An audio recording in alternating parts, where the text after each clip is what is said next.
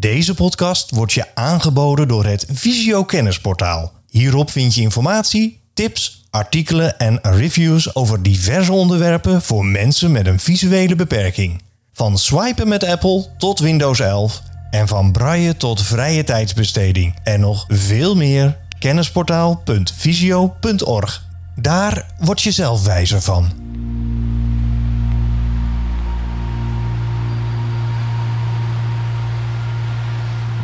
We staan in Breda bij een groot gebouw. Het is regenachtig, het is koud, het waait. Ik hoor de auto's. We zitten vlak bij de snelweg hier. En ehm, we staan bij een gebouw. Welkom bij My Office staat er boven. En aan de zijkant zie ik de ramen met het Visio-logo. Ehm, nu is ehm, ons gezegd natuurlijk dat het vooral binnen heel erg gezellig is. Hier buiten minder, vind ik. Wat vind jij, Mieke? Ik vind het een beetje grauw en guur. En als ik dan, hè, want dan kijk ik nu naar buiten, naar het parkeerterrein met een hoop blik. Maar kijk ik de andere kant op, Ja. dan lonkt daar de warmte van een brasserie. Want dat is tegenwoordig de ingang eh, van Visio Breda. En dat ziet er echt bijzonder gezellig, aangenaam, sfeervol eh, uit. En eh nou, kan eigenlijk niet wachten om eh, de deur in te gaan. Dit is de Visiokast, een podcast van Koninklijke Visio. Bij Visio kan iedereen terecht met vragen over blind of slechtziend zijn. Samen kijken we naar wat wel kan en stimuleren we mensen om hun mogelijkheden te ontdekken. In deze podcast gaan Mieke, Petra en Theo op zoek naar wat revalidatie is. Wat is de impact en wat levert het op? Op zoek naar antwoorden reizen zij langs fysiovestigingen en gaan daar met hun collega's in gesprek. Bij Visio in Breda vragen ze zich af waar de grens ligt tussen leven en overleven. Welkom bij weer een nieuwe aflevering van de Visiokast, de eerste van 2023. En zoals Mieke en Peter al zeiden, we zijn neergestreken in het eh, prachtige Breda. Wat vandaag eh, grauw-grijs gekleurd is met veel wind en veel water van boven.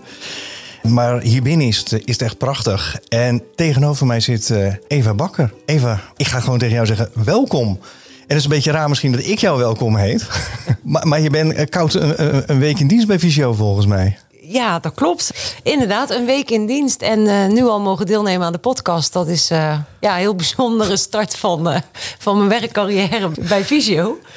Maar goed, ik eh, ga proberen om je zo goed mogelijk eh, te woord staan. Je bent hier locatiemanager. Ja, dat klopt. Ik zat net in de trein hier naartoe en toen dacht ik, wat ga, ik- wat ga ik nou als eerste aan je vragen? En toen dacht ik, ik ben zo benieuwd waarom je voor Visio hebt gekozen om hier te komen werken. Ik heb ehm, ehm, hiervoor eh, 13 jaar op een uh, spoedeisende hulp gewerkt van een eh, algemeen ziekenhuis. En ja, wilde me graag eh, verder ontwikkelen in de zorg. Toen heb ik de uitstap gemaakt naar de ouderenzorg. Heel veel geleerd en gedaan, maar ik miste het, het hele specifieke. Ik wist toen nog niet eh, wat ik dan eh, eh, wel wilde. Maar toen kwam, de, kwam ik de vacature van Visio tegen. Ja, en die was zo pakkend omschreven dat ik dacht, nou, dit ga ik opschrijven.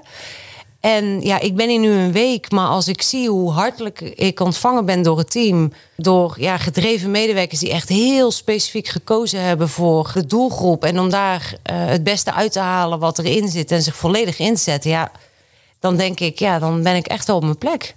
Welkom dus. Dankjewel. Ja, en wa- wat kan je vertellen over je team? Nou, het, het team Breda heeft sinds eh, eh, het najaar eh, deze nieuwe locatie.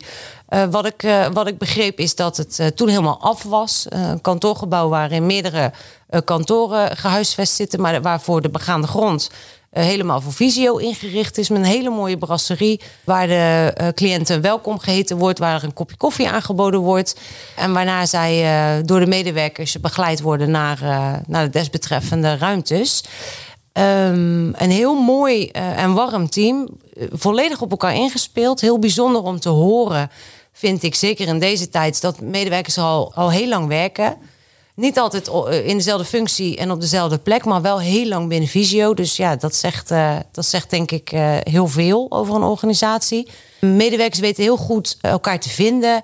weten elkaars sterke punten heel goed. eh, kunnen daardoor heel goed op elkaar inspelen, samenwerken.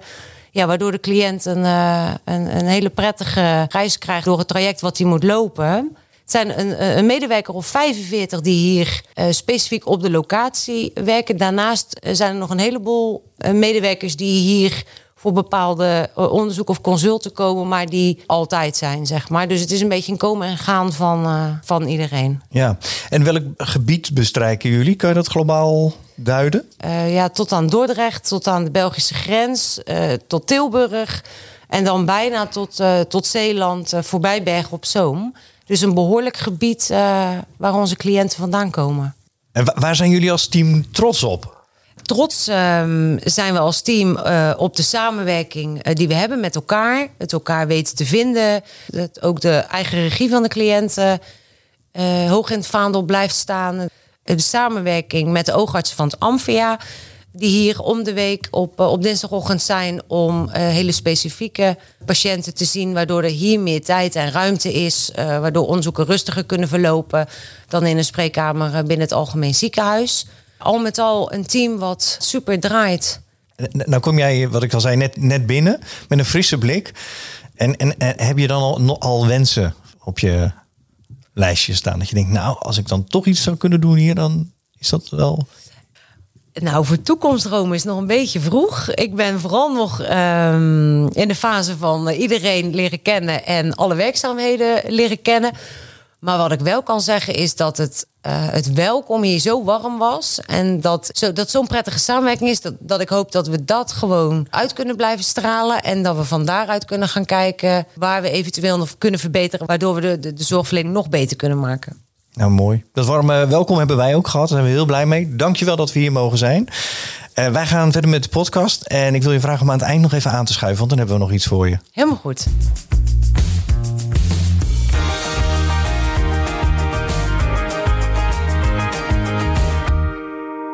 En we zitten weer met z'n eh, drieën aan tafel. Links van mij eh, zit Mieke en rechts van mij zit Petra. Mieke, we hebben het vandaag over leven of overleven. Nou, daar gaan we denk ik uitgebreid over hebben, want ik vind daar wel wat van. Maar laten we eerst eens teruggaan naar, naar de basis, hè, naar, de, naar de, de feiten. Jij bent je etymologische hoekje weer ingedoken. Ja, ik, nou ja, ik, ik heb het dit keer wat anders eh, eh, gedaan. Dus ik, ik ga nu eh, los. Leven, dat is zowel een werkwoord als een zelfstandig naamwoord. Leven staat in het etymologisch woordenboek omschreven als bestaan, niet dood zijn. En als zelfstandig naamwoord staat het voor het bestaan, de levenswandel. En het is waarschijnlijk afkomstig van het woord, en dat vind ik echt heel lastig om uit te spreken hoor. Leuantemo. En dat komt uit de 8e eeuw. Het wordt daarna van dat eigenlijk vrij onbegrijpelijke woord, wordt het daarna Libon. Dat is het dan in de 10e eeuw. Nou ja, en zo gaat het door. Maar ik kan dus niet zo goed vinden waar het verder vandaan komt. Het leven was er eerder als het woord zelf. Oh, dat is ook weer mooi eh, gezegd. Maar toen dacht ik, dan gaan we maar even de vandalen erbij eh, pakken. En dan, ja, dan krijg je bij het woord leven, het werkwoord, kunnen ademen, groeien, wonen, verblijven. Ik zou hier niet graag willen leven. En de laatste betekenis is zich gedragen. Erop losleven bijvoorbeeld. En het werkwoord, dat is dan weer het in leven zijn, het bestaan. Het kan ook staan voor drukte, lawaai, rumoer. Het kan ook staan voor levenstijd. Bijvoorbeeld het menselijk leven is kort. Toen ben ik gaan kijken van welke uitdrukkingen zijn er nou allemaal met het woord leven. Nou, dat is zo ongelooflijk veel. En soms ook zo veelzeggend. Ook in eh, relatie tot waar we het vandaag over hebben. Kun je er een paar mooie uitpikken? Bijvoorbeeld een uitdrukking. De mei van het leven. Zegt jullie dat wat? Nee, de mei met EI, als in de maand. Ja, dat is de bloeitijd van het leven. Of een leven als een oordeel. Dat is een verschrikkelijk lawaai. Een leven als een luis. Hebben jullie daar een positieve eh, associatie bij? Een leven als een luis? Volgens mij doe je dan niet veel. Nou, er, het wordt zelfs opgeschreven als een heerlijk leventje. Oh, ik dacht dat het een beetje parasiteren was. Ja, dacht ik ook. Het leven is een feest. Vind ik ook een mooie. Maar je moet zelfs de slingers ophangen. Die is heel mooi. Het thema is leven. Nou, dat hebben we nu wel voldoende uit, uitgediept. Overleven. zoals we hem nu stellen, hè, leven of overleven, is overleven eigenlijk iets negatiefs. In ieder geval zo interpreteer ik hem. Maar overleven kan natuurlijk ook iets heel positiefs zijn in de zin van dat je bijvoorbeeld een hevig ongeval overleeft of een oorlog. Maar dan is vervolgens wel weer de vraag: is het makkelijk om daarna, na dat overleven van dat ongeval of die oorlog, is het daarna weer gemakkelijk leven? Of Overleven is ook wel dat je echt een obstakel hebt overwonnen. Of hè, er, Ja. er is wel iets gebeurd. Ik vind deze lastiger. Ja, Eh, overleven is is veel lastiger als leven. Ja. Of te verklaren in ieder geval. Want wat is Ja. dan overleven? Nou ja, ik, heb, ik, ik zat vanochtend heel erg na te denken. Het, het woei nogal eh, hard in Den Haag. En eh, ik stond bij de tramhalte en dacht, nou, daar gaan we het vandaag over hebben. En ik had ineens zo'n beeld van de zee waar ik vlakbij zit. En dat je daar met een, eh, met een bootje op, dit, op dat moment aan het varen bent. En eh, het waait keihard, hoge golfslag. En dan zit je met dat bootje eh, op het water. En dan ben je met name bezig met jezelf ja, in veiligheid, denk ik, te brengen. Met overleven. Terwijl op het moment dat het eh, heel kalm is en je zit op dat water, dan ben je veel beter in staat om, om de route te bepalen, om, om om je heen te kijken. eh, waar wil ik graag naartoe? Ik ben aan het genieten. Je zintuigen staan wellicht ook meer open. Je voelt je eh, meer eh, ontspannen. Ik- dat was een beetje een beeld wat er bij mij naar boven kwam. Kunnen Ja. jullie daar wat mee? Ja, ik vind ook wel dat overleven is hard werken. Maar als jij het zo zegt, als je in dat bootje zit en dan eh, aan het overleven bent, ben je ook wel heel levendig, lijkt me. Want je bent heel alert, je moet goed opletten, er is een grote uitdaging. Dat kan natuurlijk heel angstig zijn, maar het kan ook zijn dat je heel veel adrenaline voelt. Ik, ik vind het ook, eh, hoe meer je erover nadenkt, dat leven en overleven, ja, hoe zwart-wit is het? En kun je je ook niet heel levendig voelen in het overleven? Ik denk dat je niet te lang misschien bezig moet zijn met het overleven. Dat dat misschien te veel van je vraagt. Want dan zit je telkens op zo'n hele, op zo'n heel hoog niveau van adrenaline. En in hoeverre is dat verstandig? Theo, misschien kan jij daar. eh, Ja, ik heb wel verstand van overleven. Ja, zo is het. Want hoe lang ik erover na zit te denken, denk ik dat ik meer verstand heb van overleven als van leven. Leven klinkt voor mij toch vaak als de relaxte modus van overleven. Ik ben vaak bezig toch om te overleven. Ook als ik niet aan het revalideren ben, eh, leg- merk ik gewoon dat ik de lat voor mezelf heel eh, vaak hoog leg.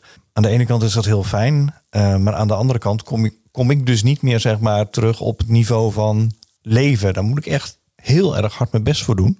Dus dat heeft, me- dit heeft me ook wel aan het denken gezet. Maar wat is dan leven voor jou, Theo? Nou, dat is misschien wel de lastigste vraag om te beantwoorden. Maar het lijkt dat je het wel vergelijkt met leven. En dat je misschien wel eens in de buurt bent gekomen van. Eh, eh, ik denk dat leven voor mij een soort ideaalsituatie is. Die meer in mijn fantasie bestaat. Als dat ik daar ook werkelijk kom. En op het moment dat ik dat zeg, dan voel ik me ook wel dat ik denk, nou, misschien moet ik daar aan gaan werken. Weer gaan werken. Ja, ja, ik heb niet zo 1, 2, 3 de oplossing om te zeggen van nou, vanaf morgen doe ik eens een dagje leven. Maar jij zegt eh, dat je daarin zelf ook wat doet. Ehm, namelijk, je hebt het over de lat heel hoog leggen. Ja, dat is een beetje de aard van het beestje, denk ik. Zonder mij zelf helemaal zeg maar, tot aan eh, mijn jonge leeftijd uit te eh, rafelen nu om te kijken waar dat vandaan komt. Maar eh, dat is denk ik wel een beetje hoe ik groot ben geworden. Doe maar gewoon je best en dan, eh, dan ga je het wel redden.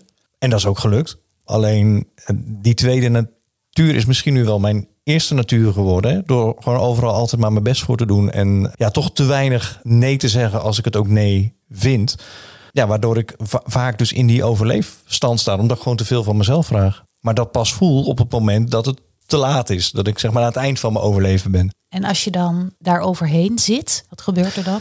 Vroeger voelde ik dat niet. Dat ging gewoon door eh, tot ik echt zeg maar, bijna letterlijk door mijn knieën heen zakte. Eh, maar ik merk dat nu aan spierspanning. Ik merk dat mijn creativiteit afneemt. Ik vind gewoon niet zo heel veel dingen leuk. Die ik eigenlijk wel leuk zou vinden in, in een wat rustigere situatie.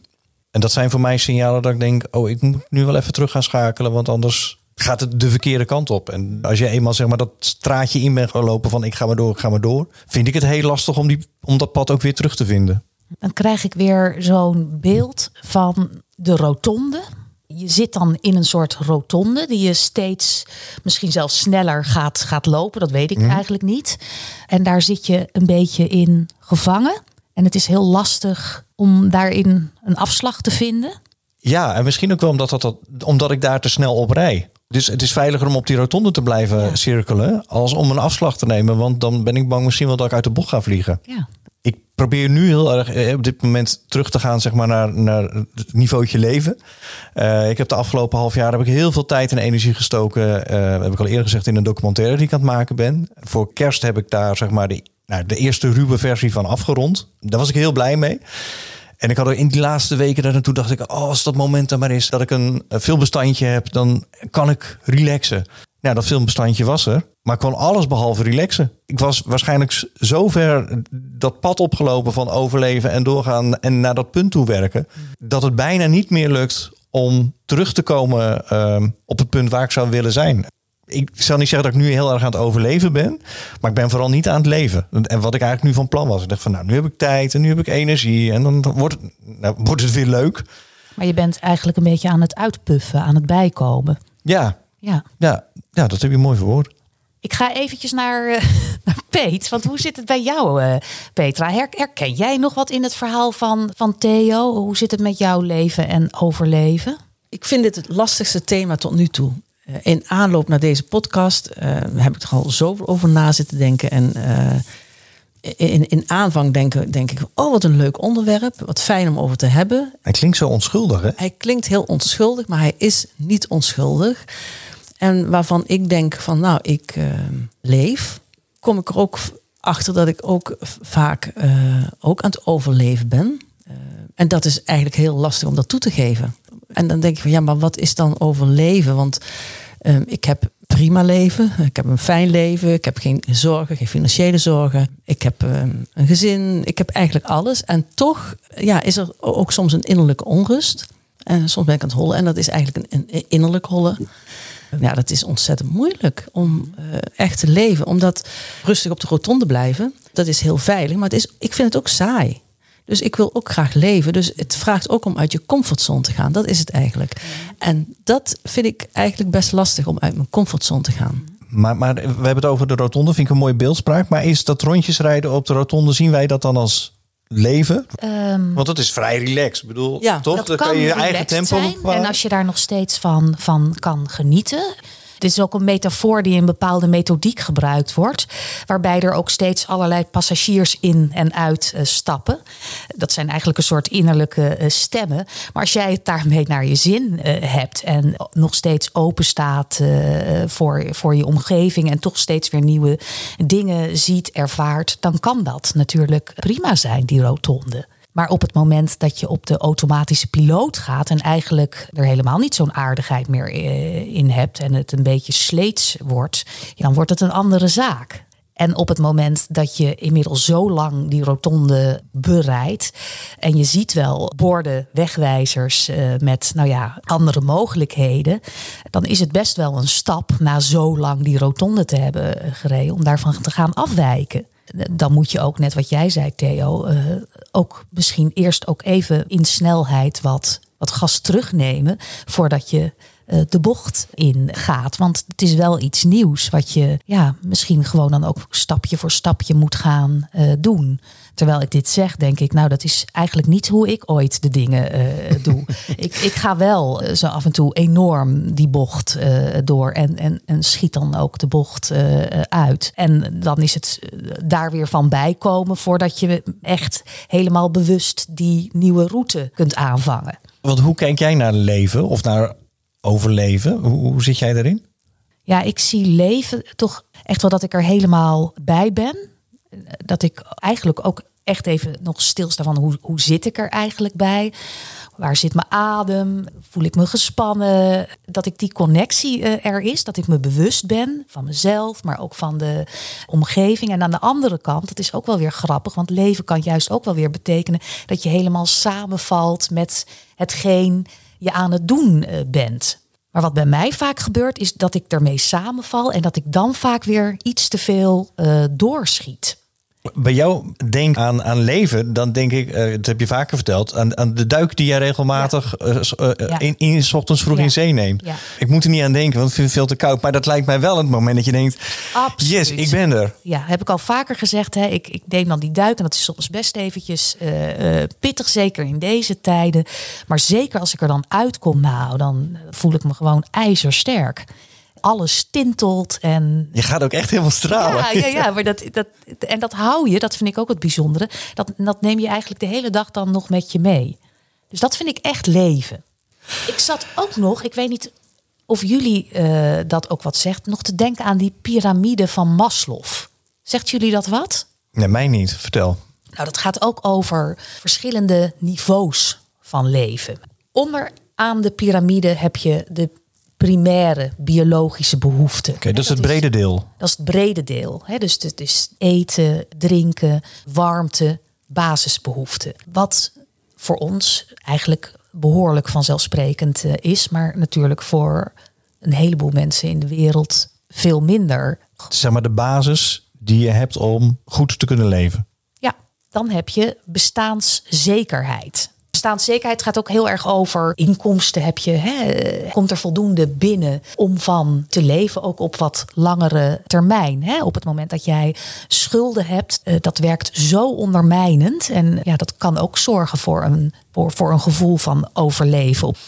Nou, dan heb je nog die sociale. eh, je hebt ook bij de bestaanszekerheid, denk ik dat de gezondheid ook heel erg belangrijk is. ja, Hè, dat mooie. zodra dat als je, je gezondheid wordt aangetast, bijvoorbeeld in, in je zicht, dan eh, is er ook weer een andere bestaanszekerheid. Dan wordt alles een beetje aan het wankelen gebracht. Ja.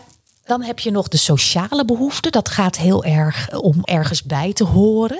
Heb je mensen om je heen waar je mee kunt samenleven, affectie, maar misschien ook praktische steun. Ja, je levensniveau denk ik ook weer doen opkrikken. En dan kom je in die laatste twee fases en dat gaat om erkenning. Word je gezien om wie je eh, bent, word je gewaardeerd om wie je bent. En tenslotte heb je de zelfontplooiing. Kun je alles wat je in, in je hebt, kun je dat ook ontwikkelen? Kun je daarmee aan de slag? Daaraan kan je volgens mij relateren op wat voor niveau van leven jij op dit moment leidt. Ja, je zou dit allemaal zeg maar voor jezelf een cijfer kunnen geven. Ja. En dan op gaan tellen Ja. eh, hoe ver je komt. Ja. Hoe, hoe- want ik heb niet meegeteld hoeveel vijf, lagen. vijf niveaus. En het kan natuurlijk ook zijn dat je eens een niveautje eh, zakt. Hè, omdat je partner je eh, eh, verlaat. Of je op een gegeven moment heel erg onzeker voelt omdat je ontslagen bent. Het is een, wat dat betreft een best wel dynamisch model. Maar je kunt je voorstellen dat op het moment dat je helemaal aan die onderkant al problemen hebt. Met die primaire biologische behoefte en die bestaanszekerheid. Dat dat al een gevoel van onveiligheid, Dat je dan naar de overlevenstand toch? gaat, schuift. Ja, ik want de basis lijkt dan niet echt op orde te zijn. Nee, en dan is er ook geen ruimte voor zelfontplooiing. Of dan is er geen ruimte voor erkenning. En dat is ook een hele eh, belangrijke eh, levensbehoefte. ja, want je probeert eerst die onderste laag weer voor jezelf in orde te krijgen. Voordat je aan die andere dingen kan denken natuurlijk. Het is fijn als je al die lagen, eh, hè, als die aan bod komen. eh, en, en als die onderste lagen goed zijn, ja, dan is het makkelijker om bij die zelfontplooiing te komen. Maar als er weer iets anders wegzakt hè, uit die onderste laag, dan, eh, ja, dan is die zelfontplooiing, eh, die krijgt ook niet zoveel kans. Dus dat leven waar we het net over hadden, dat is eigenlijk ook logisch dat, het, dat je nooit op een top kunt leven. Je kunt nooit op een top in het moment zijn. Je, kunt, je bent nooit op een top gelukkig. Maar het lijkt soms wel dat het, dat het allemaal maakbaar is. Hè? Dat we dat wel moeten nastreven of zo. Ik denk dat dat de grootste valkuil is. Dat we onszelf een, een leven voorspiegelen wat misschien niet helemaal reëel is. Wat niet haalbaar is, ja. Nou, met deze opgewekte woorden gaan we naar de ervaringsdeskundigen. Kijken wat zij te vertellen hebben over eh, leven en overleven. Wat is voor jou de definitie van leven? Oeh, wat een moeilijke vraag. Dus daar heb ik wel even over na moeten denken. Maar ik ben hierop uitgekomen. eh, op een woord wat eigenlijk wel een, eh, een beetje een modewoord is op het moment: verbinding. Dus in verbinding zijn met. In verbinding zijn met mijn geliefden, familie, vrienden. In verbinding zijn met de wereld om me heen. En dan denk ik eh, met name aan de natuur. Maar ook aan eh, mijn eigen liefhebberijen en hobby's, waarin ik, eh, waardoor ik in een flow kan raken. Ehm, maar ook in verbinding zijn met mezelf. Eh, en ook in verbinding zijn met ja, het onzichtbare, het universum, de ene, Allah, God. Noem het maar een naam, geef het maar een naam. Het, het, het onzichtbare. Nou, ik denk dat ik dan toch wel eh, ja, de, de, de grootste lading gedekt heb door het op deze manier uit te leggen. De definitie van leven voor mij is genieten van het leven zoals het komt met al mijn dierbaren om me heen. Denk niet in beperkingen, maar denk in mogelijkheden, kansen. Er zijn inderdaad perioden geweest in mijn leven dat die verbinding ver te zoeken was. En eh, als ik er dan heel goed over nadenk, dan is dat heel vaak in crisissituaties geweest. En nou, laat ik dan in dit geval noemen de situatie bij mij dat ik eh, in drie maanden tijd van 100% zicht naar 5% zicht ging. En ja, dat was toch echt een periode dat eh, mijn hele leven op zijn kop stond. En dat van alles om je heen wegvalt. Je werk waar je zoveel plezier in hebt. eh, de, de hobby's die je niet meer kunt uitoefenen. De natuur waar ik altijd heel graag in ging. Omdat ik heel graag kleine beestjes en bloemetjes op naam wilde brengen. Wat niet meer lukt natuurlijk. Dus dan in die, in die periode was ik echt de verbinding met, eh, met alle, bijna alle facetten toch wel kwijt. Dan komt er een periode dat je die verbinding weer zoekt. Want ik, kan niet zonder. Ik kan niet zonder die verbinding. In die periode heb ik dus ook heel veel gehad aan mijn netwerk. De mensen om me heen die van, die van mij houden en waar ik heel veel van houd. Die mij eh, ja, eh, ja, zeiden van kop op joh, we komen er samen doorheen. En ja, die mij ook aan alle kanten hebben geholpen. Mijn definitie van leuk leven is, is op dit moment. Ik mag werken wanneer ik wil. Ik heb een leuke vrijwilligerswerk. Ik heb een heel lieve man. Leuk huisje. En een beestje. Mijn Beline Geleidehond die mij overal naartoe brengt.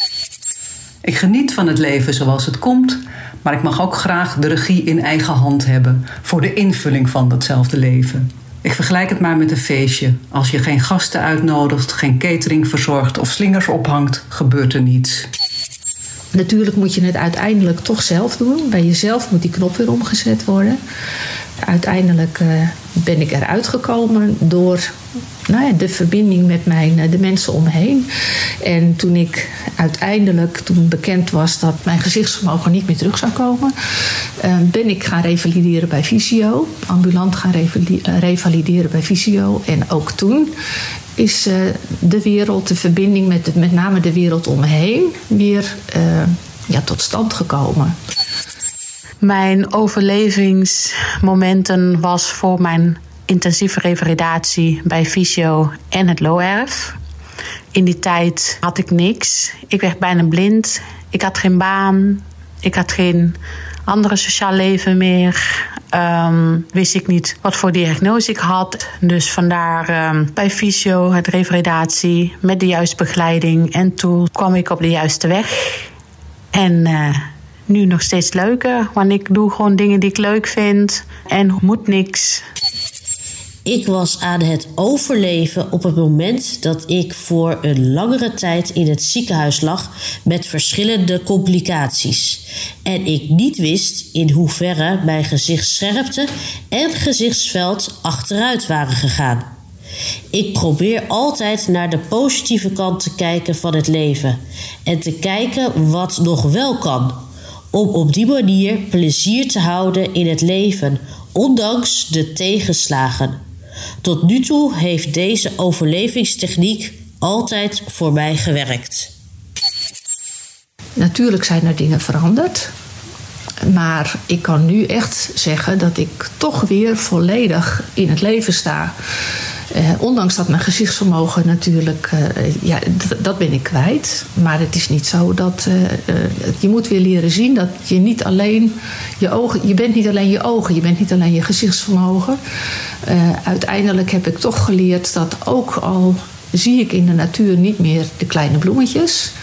ehm, Ik voel de wind. Ik voel me heerlijk als ik buiten ben in de natuur. En dat geldt ook voor een aantal hobby's die ik toch weer opgepakt heb.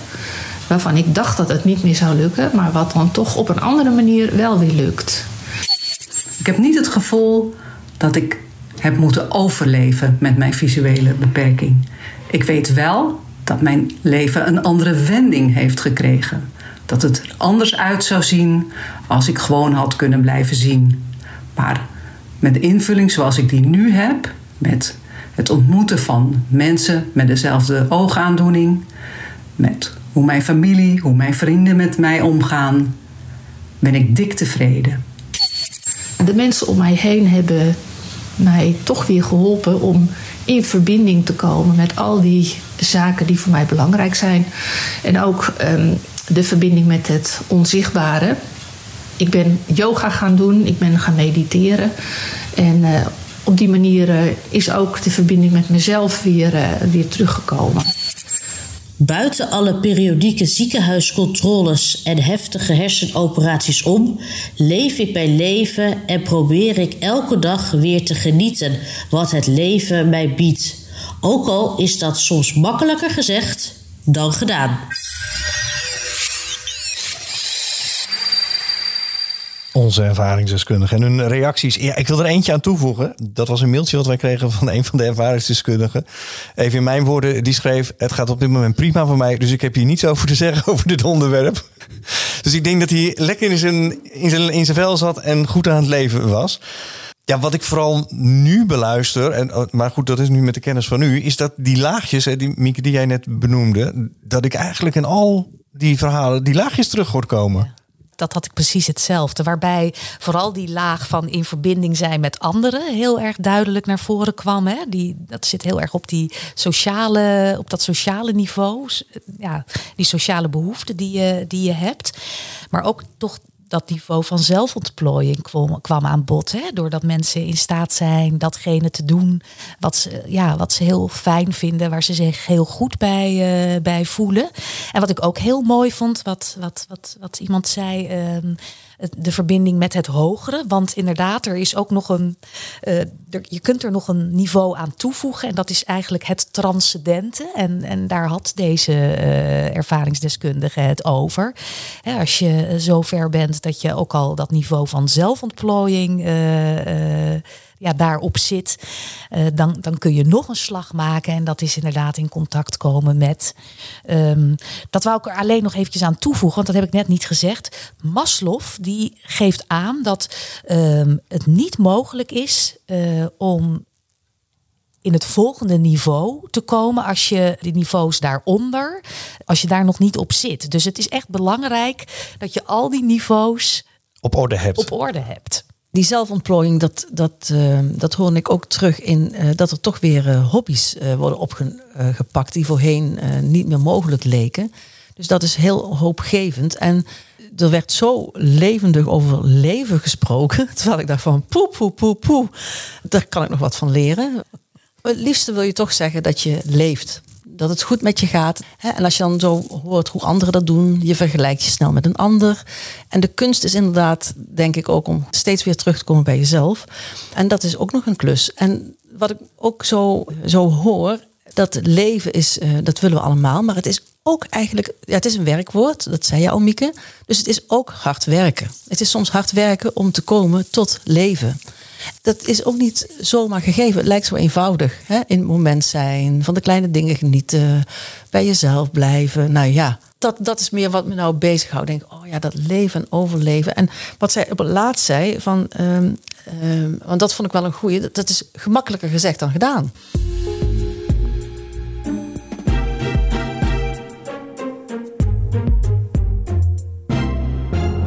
We zitten hier met Jelske van Laarhoven. Zij is uh, maatschappelijk werker uh, in Breda. En zij werkt, wat ik begreep, met volwassenen en jeugd. Jelske, het leven of overleven, is dat een thema die jij ook aantreft of terugziet bij jouw cliënten? Ja, ja, dat komt mij zeker bekend voor. Ik denk eigenlijk dat bijna al mijn gesprekken wel iets van leven of overleven bevatten. Er komt ook meteen een situatie in mij naar boven van een, hele tijd terug. Had ik een mevrouw uh, in begeleiding. Die uh, is in korte tijd heel erg slechtziend geworden. En uh, die had als grote hobby vogels houden. En die won daar prijzen mee. Toen zij slechtziend werd, had zij de overtuiging dat dat niet meer ging. Uh, dus dan heeft ze in een opwelling al die beestjes de deur uitgedaan. En in die periode is zij best wel in een dip geraakt. En uh, zag zij niet zo heel goed hoe het leven nog leuk kon zijn. Dus die stond wat mij betreft denk ik toen dus in, echt in de overlevingsmodus. En tijdens de revalidatie hier is die steeds meer gaan zien dat er ook nog andere mogelijkheden zijn om te genieten van het leven. Al is het misschien minder met kijken en meer met het, horen van dingen. Dus op een gegeven moment is de, tijdens het hele proces van die mevrouw is zij uh, het bos ingegaan en is zij gaan proberen te genieten van de geluiden van de vogels. Uh, zelfs af en toe met een verrekijker kon zij nog de contouren van een vogel ontwaren in een boom. En dat bracht haar uh, op een andere manier toch net zoveel voldoening en uh, geluk als uh, hoe ze de hobby voorheen uitoefende. Dat vond ik wel zo'n mooi voorbeeld van iemand die dus op een gegeven moment denkt dat het leven nooit meer zo fijn kan worden. en dan toch op een andere manier gaat zien dat andere zintuigen toch zo'nzelfde gevoel kunnen oproepen. Zeg. Ja. We hebben uh, eerder uh, de, deze podcast al een beetje vrij geassocieerd bij leven en overleven. Hoe, wat is jouw associatie daarbij bij die twee termen? Ik denk dat overleven vooral, ik denk dan meer aan de automatische piloot.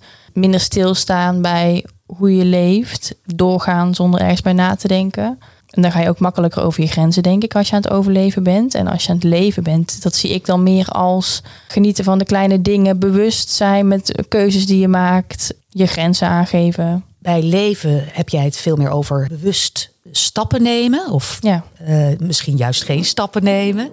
En uh, overleven, dan noem je de automatische piloot. Jelske, jij bent zelf slechtziend. En merk jij nou in de gesprekken die je hebt met je cliënten dat dat een meerwaarde is?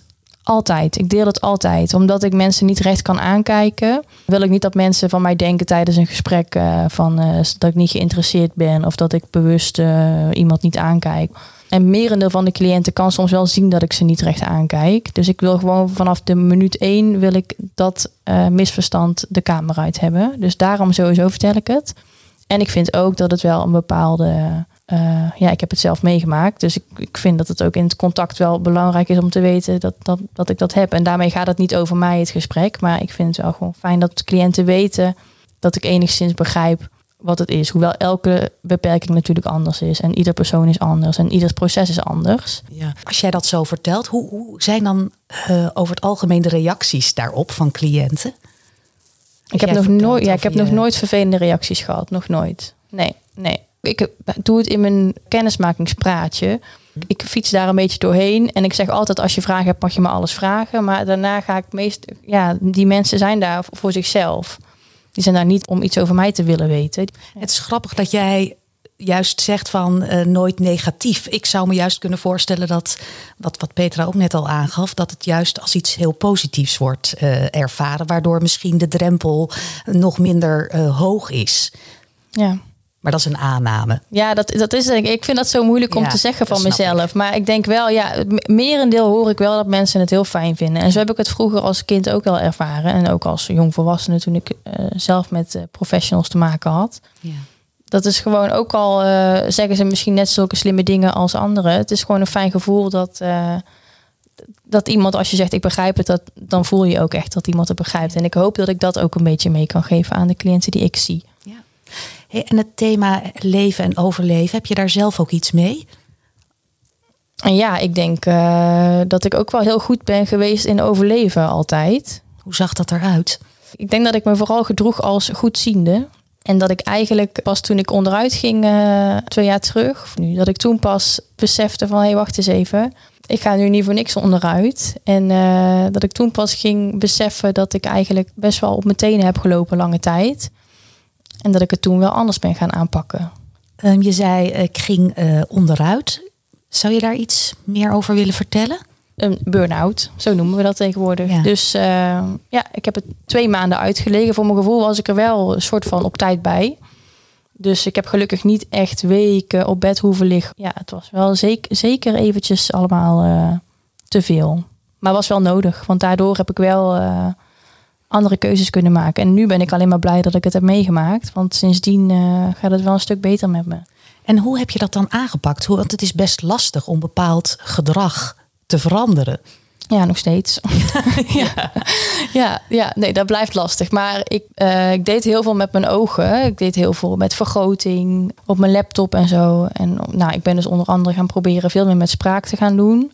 Hoewel dat heel lastig is nog steeds hoor. Want eh, je ogen willen nog steeds alles overnemen. En eh, ik heb nog steeds eh, zeker een paar momenten per week dat ik achteraf denk, had ik maar meer geluisterd in plaats van gekeken.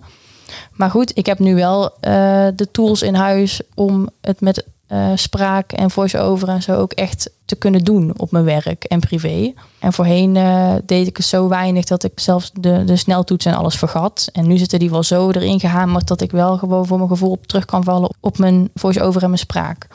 En als ik merk dat ik dus te veel met vergroting doe, dan kan ik wel makkelijker nu de scha- omschakeling maken. En weer achteruit gaan zitten en mijn, eh, mijn ogen even dicht doen en gaan luisteren. Welke signalen zijn dat dan? Welke klachten heb je dan als je merkt van, oh, nu ben ik over mijn grens gegaan? Hoofdpijn, moe, het gevoel dat ik alleen maar mijn ogen dicht wil doen. En dan ook thuis er even niet zoveel meer bij kan hebben gewoon. Dan ben ik echt ja, een beetje overprikkeld. Misschien is dat het wel. Ja, dat het gewoon allemaal, ja, dat voel ik dan. Dat is nu als ik een dag echt goed met mijn spraak werk. En natuurlijk zijn er andere aspecten op een dag die energie kosten. Maar als ik dat echt goed volhoud, dan merk ik wel dat ik aan het einde van de dag een stuk meer energie overhoud. Ik probeer ook, zowel op mijn werk als privé, probeer ik ook wel de balans te houden.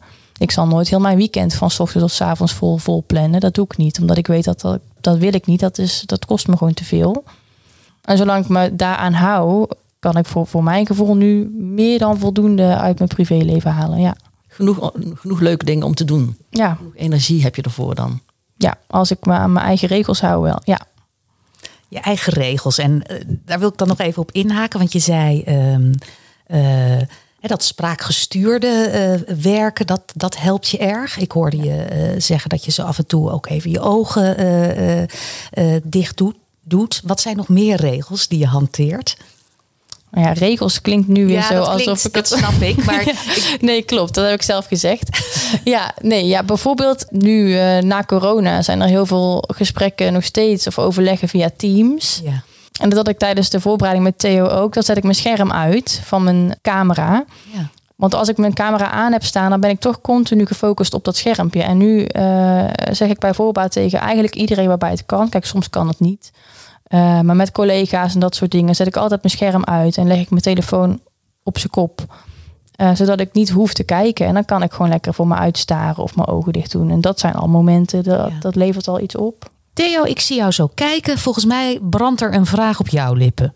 Ja, want ik zit naar, naar eh, Jelske, ik zit naar jou te luisteren. En ik denk, als je naar 100% zou willen leven, zeg maar, in plaats van overleven, is het dan niet verstandig om te stoppen met werken?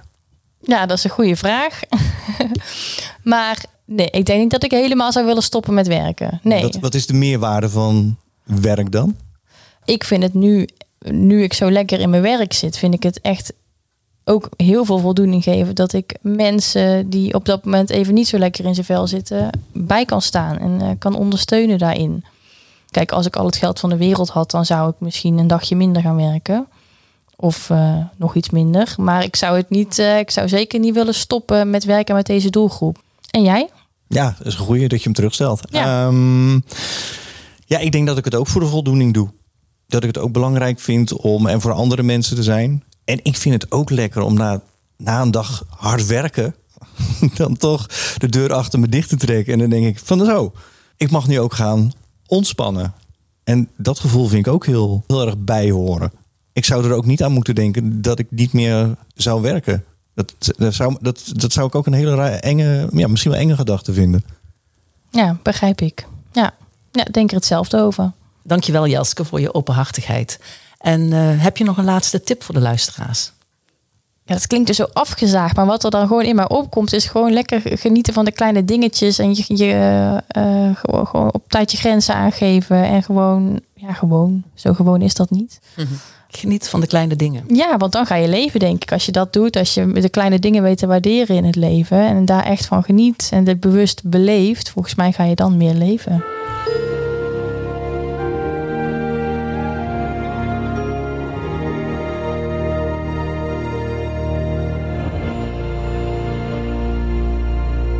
Kijken naar wat wel kan. Elke aflevering krijgen we een kijkje in het leven van een cliënt uit de regio. Vandaag nemen we een kijkje in het leven van Amy. Ze woont in Breda en is pas 27. Ondanks dat ze ongewild al heel wat heeft moeten overleven, staat ze bijzonder positief in het leven. Hoi, ik ben Amy, 27 jaar oud en woon momenteel in Breda. Ik woon samen met mijn eenjarige hond Diva.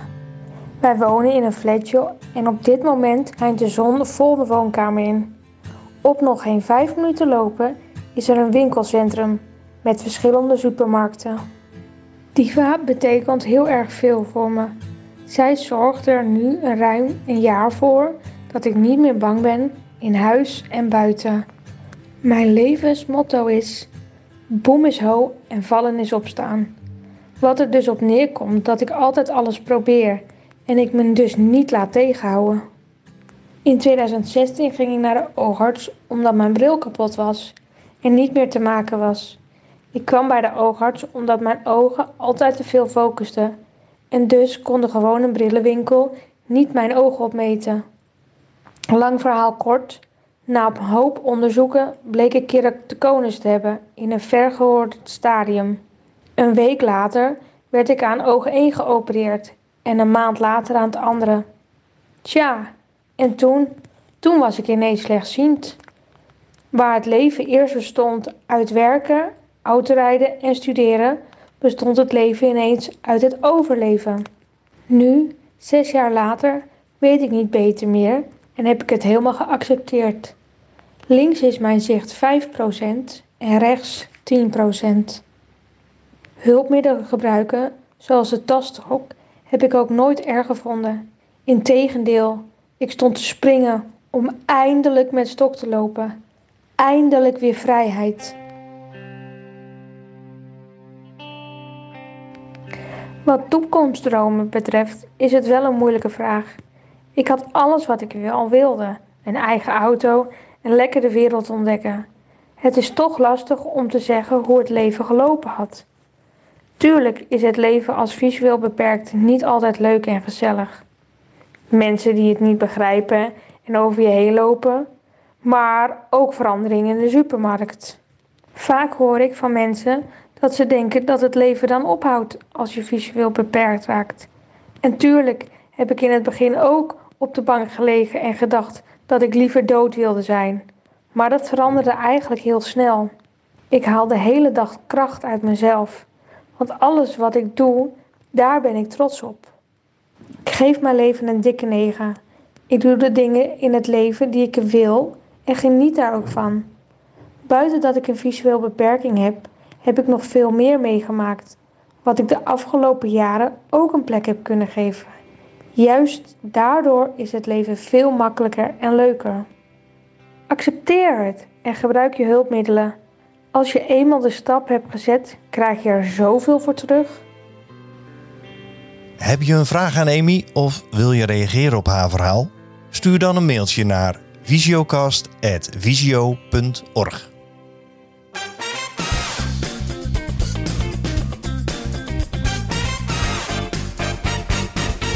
Leven of overleven, dat is het thema. Eh, We hebben al heel veel besproken en heel veel behandeld.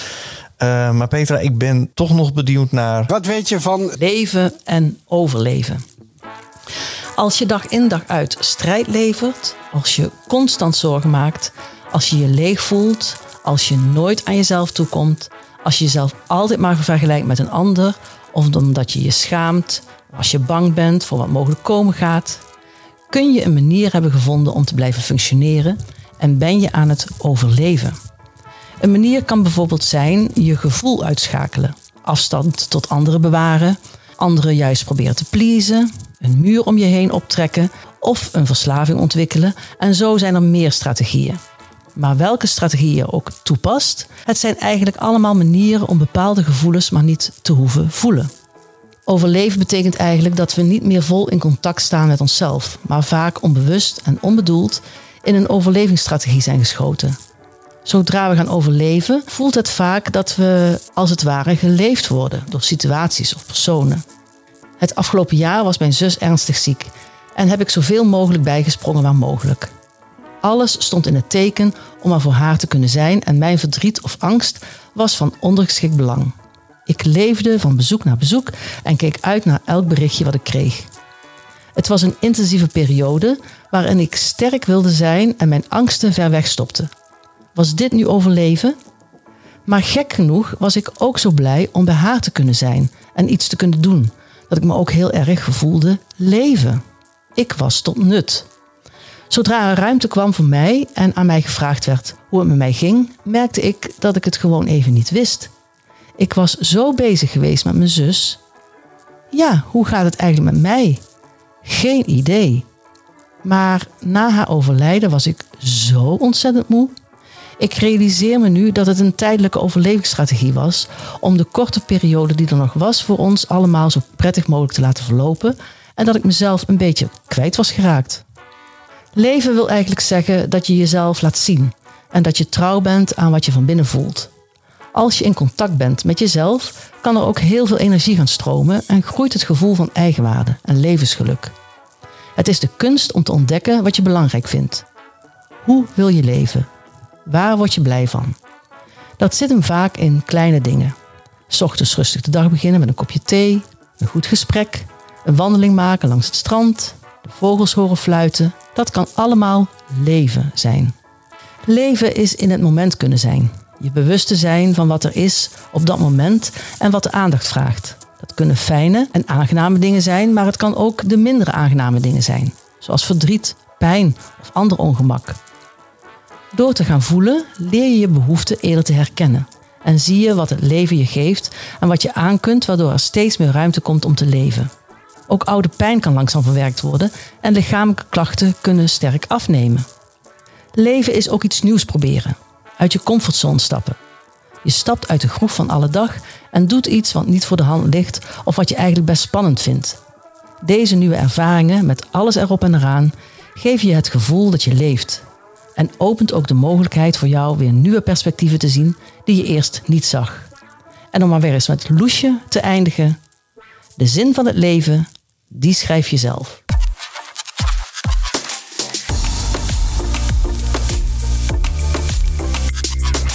We zijn, eh, nou ja, we gaan richting het einde van, eh, van deze podcast. Maar deze, deze serie gaat natuurlijk ook over revalidatie. En ja, aflevering 9, we schuiven ook op richting het einde van het revalidatietraject. Dat hebben we eigenlijk nog niet eerder benoemd in deze podcast. En, want waar komt dan het leven en het overleven in, in de revalidatie vandaan? Zeker aan het eind. Nou ja, je hoopt dat als je gerevalideerd hebt bij Visio, dat je iets meer gaat leven dan gaat overleven. En tegelijkertijd denk ik ook, dan kijk ik al naar jou Theo, maar ik kijk ook naar mezelf. Ja, er zijn gewoon momenten in je leven dat je aan het overleven bent. Omdat je te maken krijgt met onverwachte tegenslagen.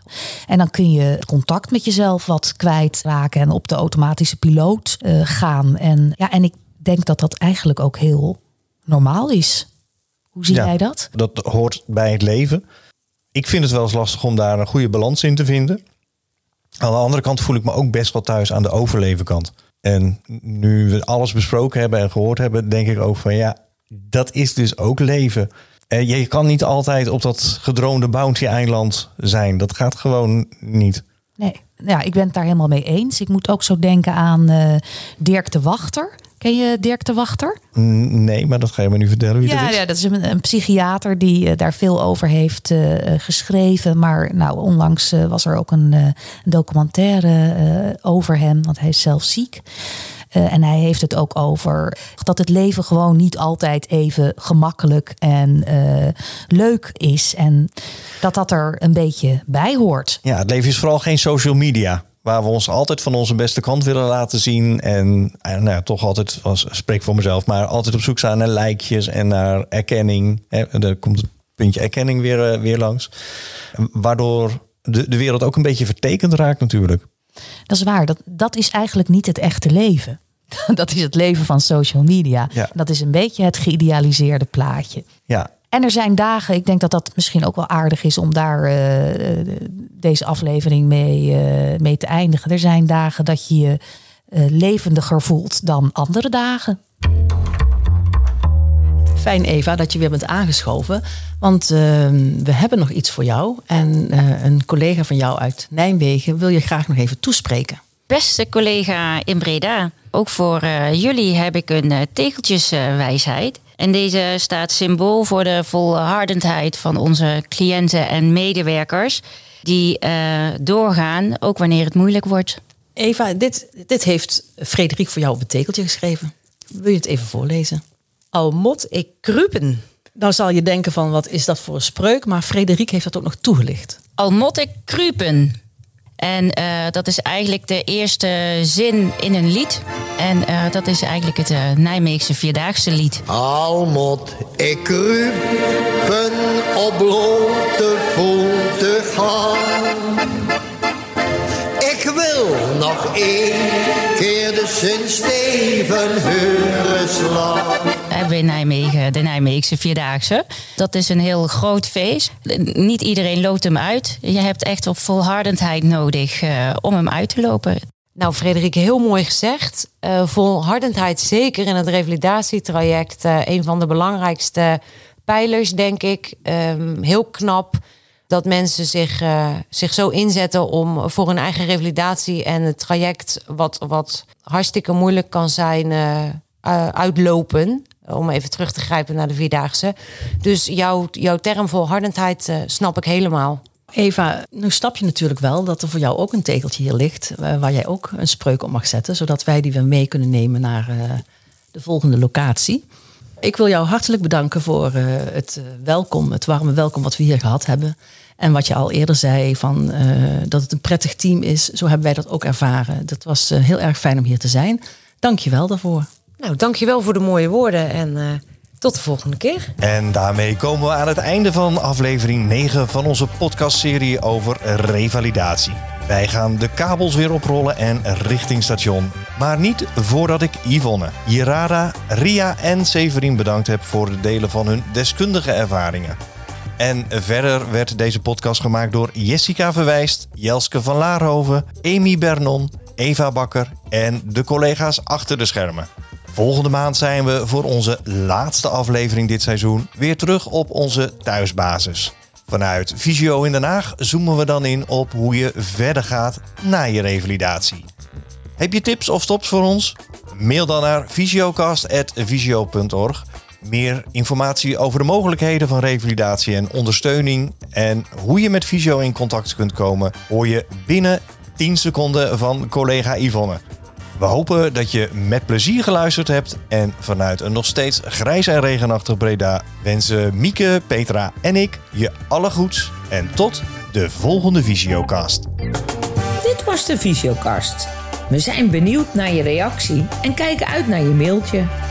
Ons mailadres is visiocast.visio.org, waarbij je visio met een V van Victor en kast met de C van Claudia schrijft. Meer informatie over Visio vind je op visio.org of bel met 088 585 8585. Daar beantwoorden onze collega's je vragen of bespreek je met elkaar welke mogelijkheden er voor je zijn. Op het Visio Kennisportaal vind je informatie, tips en artikelen over uiteenlopende onderwerpen. Bezoek ons dag en nacht via kennisportaal.visio.org of bel tijdens kantooruren met de Kennisportaal Helpdesk op 088 585 5666 of mail naar kennisportaal.visio.org. Koninklijke Visio. Samen kijken naar wat wel kan.